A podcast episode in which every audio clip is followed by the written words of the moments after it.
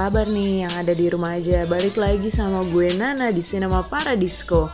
Kira-kira sekitar sebulan yang lalu, Cinema Paradisco ada di acara film musik makan dan kita ketemu sama banyak banget teman-teman. Mungkin salah satunya lo juga ada di sana. Selama di acara film musik makan itu, gue dibantuin sama Aditya Hadi dari podcast Buku Kutu.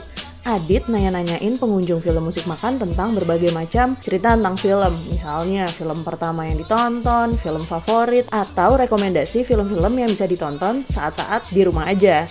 Nah, mungkin abis dengerin Cinema Paradisco episode yang ini, lo juga bisa nonton rekomendasi tersebut dan juga share nih sama kita gimana kira-kira waktu-waktu di rumah aja ini bisa bikin lo makin produktif buat nonton.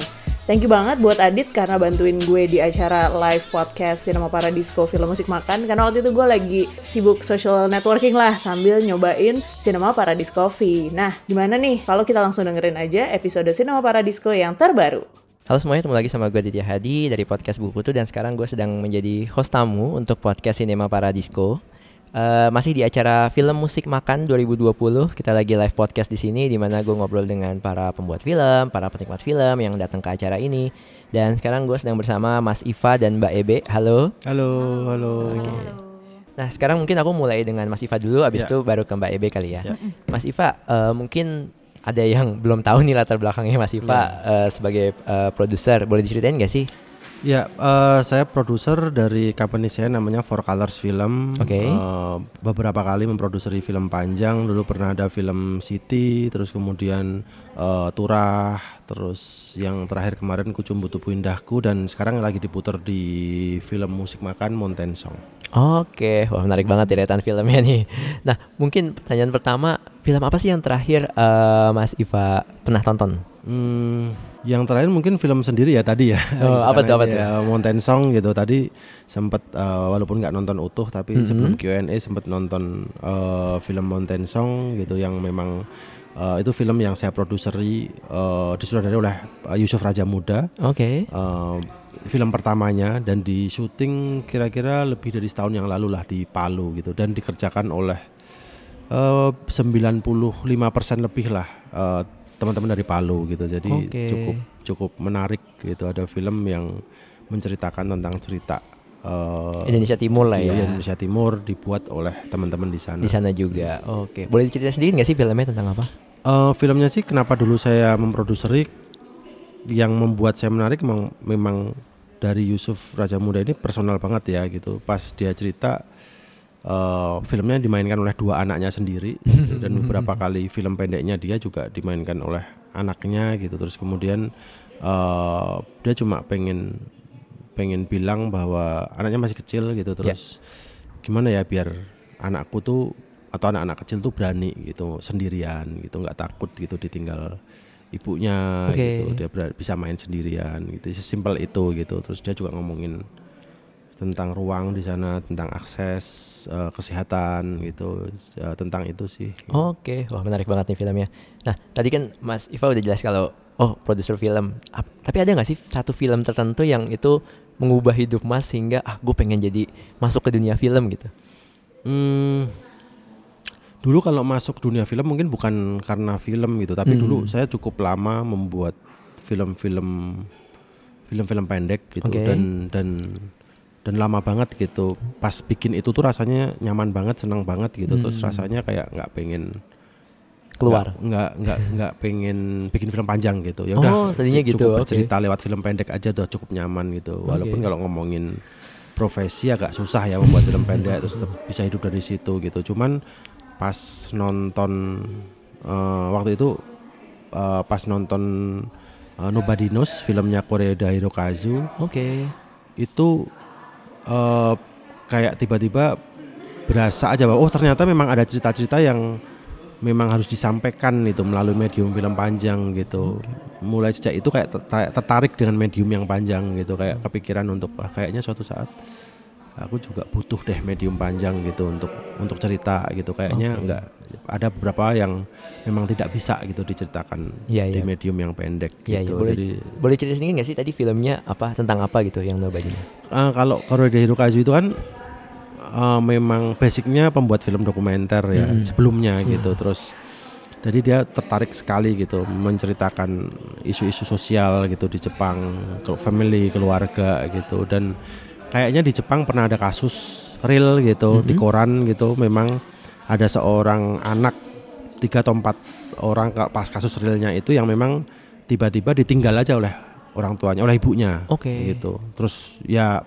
berapa bulan kemudian tuh baru ditemukan Wow. baru ditemukan oleh masyarakat, oleh eh, pemerintah dan sebagainya kalau kalau ada ada anak-anak kecil nih yang memang tidak punya orang tua dan hidup di rumah itu gitu dan kondisi rumahnya itu benar-benar kayak kayak kayak tempat sampah gitu ya kayak semua sudah nggak ada, ada aturan kan di Iya, situ iya, anak-anak iya. kecil itu gitu. Nah itu yang difilmkan sebenarnya itu gitu. dan Oke. di- dia bagaimana dia memfilmkan tuh sangat benar-benar kita sangat kayak ada di rumah itu ngelihat walaupun itu fiksi ya di- Iya, di- iya. dia dia fiksikan gitu Iya, tapi benar-benar dia bisa menggambarkan apa yang apa apa yang kita rasain gitu Iya, dari perspektif si anak-anak ini gitu Oke, dan itu bikin Mas Iva, oh kayaknya gue harus ya Perlu karena nih bikin sesuatu. karena saya ngerasa wah ini cerita yang memang nggak mungkin gitu di Hmm.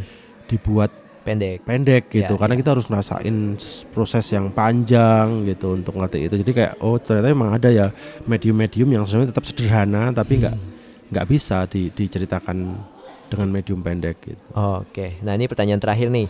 Kalau kita tahu mungkin selera orang macam-macam lah ya kalau soal film. Iya. Tapi mungkin ada yang mau ngulik-ngulik film-film lah yang wah pengen eh, nonton film baru nih gitu. Iya. Kalau Mas eh, Iva sendiri suka merekomendasikan film apa sih untuk eh, mayori yang kayaknya bisa diterima oleh mayoritas orang di Indonesia? Hmm, saya sih senang drama ya. Oke. Yang biasa saya rekomendasikan, maksudnya saya senang gitu nonton film apa pun, tapi Iya. begitu kena film drama realis itu tuh kenanya ke dalam banget aja. Jadi itu kadang-kadang yang saya putuskan untuk kayaknya saya emang ini nih agama saya gitu. Oh, Oke, A- ada satu spesifik film nggak judul film yang kayaknya kayaknya suka banget gitu dikasih rekomendasi ke orang lain? Hmm, Dari itu tadi lah salah tadi. satunya gitu. Oh, Oke. Salah satunya itu Nobody Oh, Knows. Nobody knows. Oke, menarik banget. Kalau mau reach out eh, Mas Iva di mana? Di sosial media? Di Iva underscore Isfansyah di Instagram saya. Iva underscore IFA Isfansyah.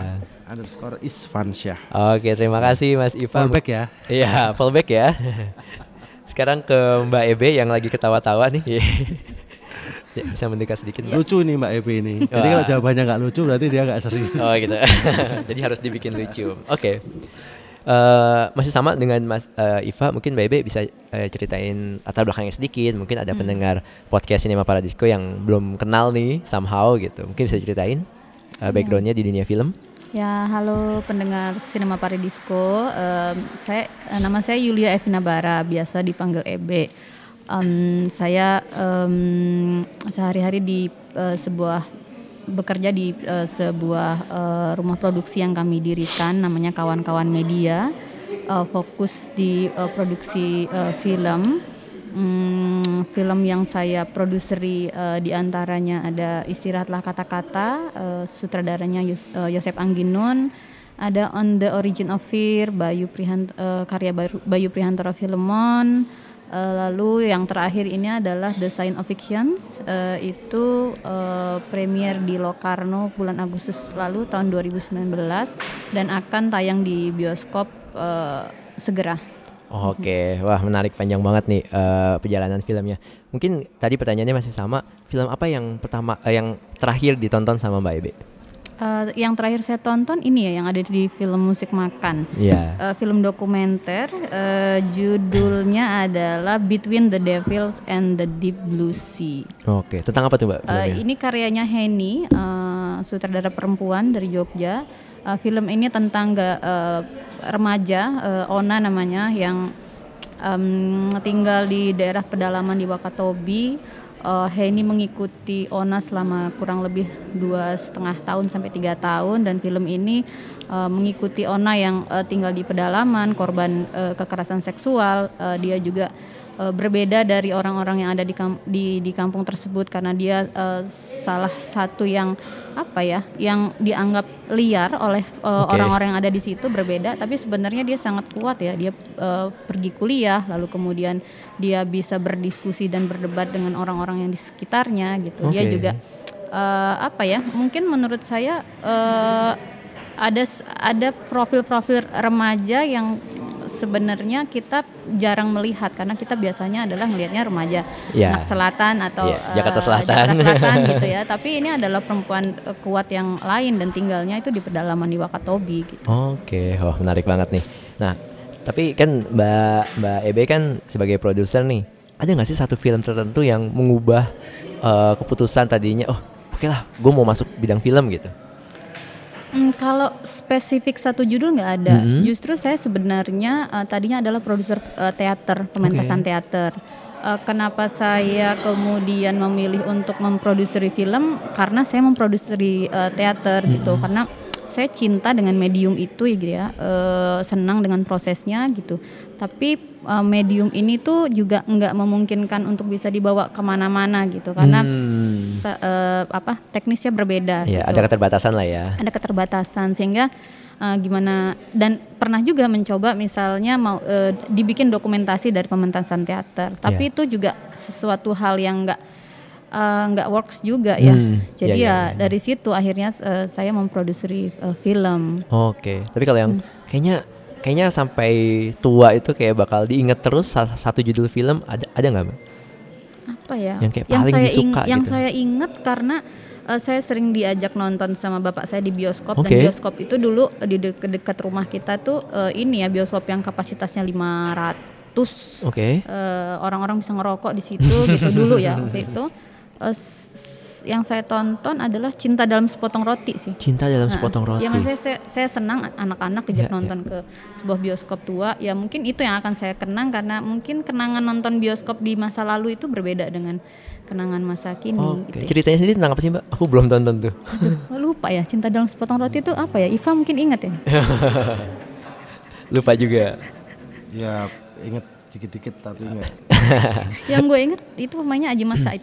Wah, ingetnya malah tokohnya. Pak Dewo gitu. Oke. Sakit. Wah. Kisah cinta gitu. Jadi kayak kayak road movie gitu. Oke, sip sip sip menarik. Nah, eh, terakhir ini kalau mau reach out Mbak Ebe di mana? Di sosial media? Oh sosial media eh, Instagram eh, @yulia Evina Bara. Oke, sip. Terima kasih Mas Iva, Oke. Ebe. Bye bye. Terima kasih.